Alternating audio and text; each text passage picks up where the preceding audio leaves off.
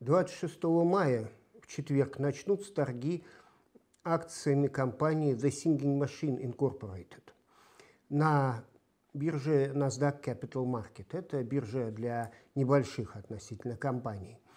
Э, компания эта занимается созданием оборудования для караоке и считается одной из заметных на этом рынке. Э, рынок по э, оценкам текущим составляет 5,6 миллиарда долларов. Если взглянуть на выручку компании, которая составляет около 46 миллионов долларов, получается, что компания Э, занимает около процента рынка. То есть рынок достаточно раздробленный. На нем есть очень крупные универсальные игроки вроде Yamaha и э, есть э, свои специализированные. Но The Singing Machine действительно входит, по-видимому, в пятерку самых известных брендов и во все рейтинги. Компания продает свои свое оборудование через э, ритейлеров в основном. 90% ее выручки приходится на 5 э, крупных ритейлеров. Это Amazon.com, это Walmart, это э, Club, э, Target и э, Costco. Э, ну, это создает, конечно, некоторую зависимость компании от э, крупных поставщиков, но я считаю, что она достаточно условная, потому что, конечно, невелика вероятность, что все эти э, гиганты ритейла одновременно э, прекратят сотрудничество с Singing Machine. Э, компания собирается разместить 784 обыкновенные акции по цене 5,1 доллара, то есть 5 э, долларов 10 центов. Как я уже сказал, на NASDAQ э, Capital Market. У компании один underwriter, это Aegis Corporation, это underwriter, который сейчас очень активно выводит э, на биржу компании вот такого приблизительно размера. Компания очень не новая. Она основана была в 1982 году и поначалу продавала оборудование Э, непосредственно частным лицам, но э, позже переориентировалась на продажи через крупных ритейлеров. Э, в 1994 году начала торговаться на бирже Амекс, то есть эта компания была публичной с 1994 года. Сейчас ее акции торгуются на вне биржевом рынке, и цена размещения определена с учетом сложившейся цены на рынке. При этом будет произведен сплит в соотношении к 1,30, чтобы удовлетворить требованиям NASDAQ Capital Markets по минимальной цене акции. Рынок, конечно, э, оборудование для караоке не назовешь новым. Караоке придумали в 1971 году.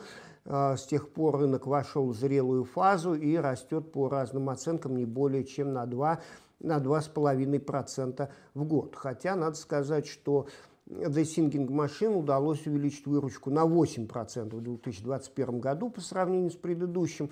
Но это в основном связано с э, выходом из пандемии коронавируса, из режима изоляции. И, видимо, они очень склонны были потребители петь в этот период, а тем более традиционные ритейлеры, видимо, не очень охотно продавали это оборудование.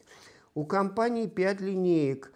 Это э, пять направлений, точнее, выручки. Во-первых, это, собственно, продажа оборудования, которое приносит ей три четверти всех доходов. А, во-вторых, это микрофоны и аксессуары – а, в-третьих, это, да, это 10% выручки. Еще 10% выручки дает э, продажа лицензированных продуктов. Среди них э, такой хит этой компании, как э, Carpool караоке, то есть караоке для автомобиля, которое популяризовано на ночном шоу Кордейла на CBS и, по-видимому, имеет своих фанатов. То есть караоке во время движения, во время путешествия. Э, по-видимому, это популярный вид развлечения. В общем, 10% выручки этой компании он приносит. Ну, кроме того, надо готовить молодые поколения, чтобы они не забыли, что такое караоке, не сбежали в какие-нибудь другие виды развлечений. Поэтому The Singing Machine продает э, караоке для детей обучающие программы для детей, которые им рассказывают, как устроен звук, как устроена звукорежиссура. И, и дети могут э, сами редактировать звук в этих программных продуктах. Наконец, 1% выручки приходится на э, контент, а на э, образовательные продукты, продукты для детей 3% выручки. Э, я упомянул, что компания зарабатывает 46 приблизительно процентов миллионов долларов в год. Воловая маржинальность ее 26%. Компания операционно прибыльная, и она приносит чистую прибыль. Э, в размере 1,3 миллиона долларов. Надо сказать, что в предыдущие годы иногда э, прибыль была значительно выше, э, то есть, конечно, пандемия – это неприятный фактор для этой компании. Продажи, даже если и выросли в этом году, то в прошлом они, конечно, упали, и маржинальность сократилась, сократились прибыли. Компания практически не тратит на маркетинг, ну, потому что она продает, по сути, всего лишь пяти покупателям, крупным покупателям, поэтому э, расходов на маркетинг у нее нет. У нее есть 7 э, миллионов долгов, однако, и 400 тысяч кэша в запасе. А на что компания потратит средства, она совершенно прямо не говорит – и даже указывает в своих рисках, что э, вот э, фактором риска является тот факт, что э, использование привлеченной суммы около 5 миллионов долларов это будет, э, отдается на усмотрение менеджмента. Конечно, сказаны обязательные слова о том, что потрачены будут на общие корпоративные расходы средства, но тем не менее даже сама компания вот, э, решила необходимо в рисках указать это вид неопределенности.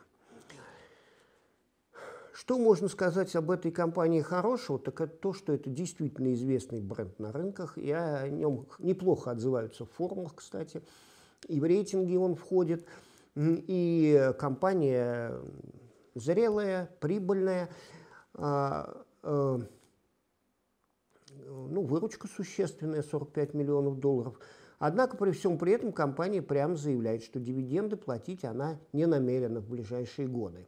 И в прошлые годы дивиденды она тоже не платила, а ну, вот куда-то истратит э, средства на какие-нибудь виды развития, которых она не указывает. У компании, кстати, несколько филиалов в разных странах, в том числе в Макао, а вот производство, собственно, оборудования для караоке в Китае. И это тоже указано в списке рисков – Список рисков очень короткий, ну, может быть, потому что компания небольшая, там всего 7 страничек, обычно сейчас в списке рисков это 70 страничек. Указаны они довольно э, толково, я бы сказал, обстоятельно.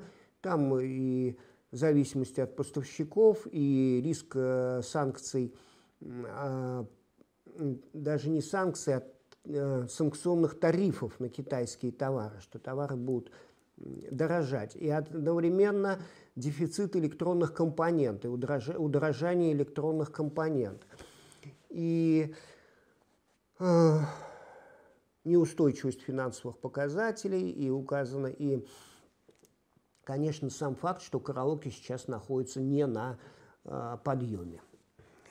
Что касается деталей – Э, размещения, то, наверное, плюсом является то, что цена этих акций хорошо известна, она, при, она определяется с учетом уже сложившейся акций на внебиржевых торгах и э, будет составлять после сплита 5 э, долларов 10 центов. Компания разместит 764 тысячи акций на общую э, сумму э, вот около 4-5 миллионов, в зависимости от того, исполнит ли опцион андеррайтера. Ликвидность будет высокой, 38%.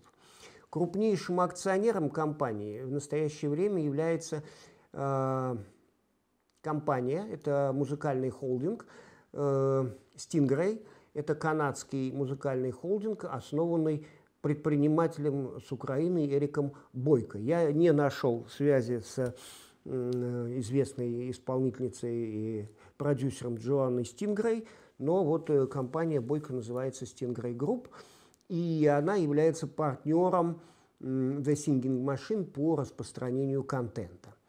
У главы компании, у CEO, э, немногим более процента акций. Э, есть еще значит, фонд Arts Electronics с крупной долей 10%, и менеджеры компании тоже обладают пакетами приблизительно по одному проценту, там финансовый директор и другие. Ну, что касается оценки этой компании, то надо сказать, что мультипликаторы компаний, которые производят музыкальное оборудование, на, удивитель... на удивление низкие. А если саму компанию взять, эту The Singing Machine, то она оценивается всего лишь в 10 миллионов долларов при продажах 46. То есть э, мультипликатор к выручке составляет 0,2. 20% от выручки компании стоит. Но я посмотрел, вот компания Kawaii Musical Instruments, которая считается тоже крупным производителем музыкального оборудования, и у нее мультипликатор 0,3. У Yamaha мультипликатор 2, но Yamaha производит э, не только музыкальное оборудование. А получается, что вот с мультипликатором 0,3, как у Kawaii, The Singing Machine может стоить даже и в полтора раза дороже. Или, вот я точнее посчитал, акция может стоить на 34% выше, чем цена размещения. Но при этом имейте в виду, конечно, что компания четко заявила, что дивиденды платить она не будет, а причины для роста стоимости акций не слишком, в общем-то, ясны для потенциального роста, если только уже не намечен какой-то другой конкурент, который сможет купить э, эту компанию, то есть стратегический покупатель. Обстановка на рынке для IPO э, пока что неважная, конечно. IPO не проводится. Э, за, наверное, последние пять месяцев только одно крупное IPO состоялось, а в основном идут микро-IPO, такие как вот у э, Singing Machine и даже нет не только обычных IPO, но и крупных спаков. Но, тем не менее, Aegis Corporation Underwriter является как раз сейчас одним, их, одним из самых активных участников этих небольших размещений и более или менее благополучно их проводит. Так что я думаю, что размещение это состоится. Э, компания не выглядит таящей в себе какие-то особые риски, и размещение произойдет э, в среду а в четверг, 26-го, э, акции уже начнут торговаться на NASDAQ Capital Market, если все пройдет благополучно. Цена размещения 5,1 долларов. Размещение доступно через Финам.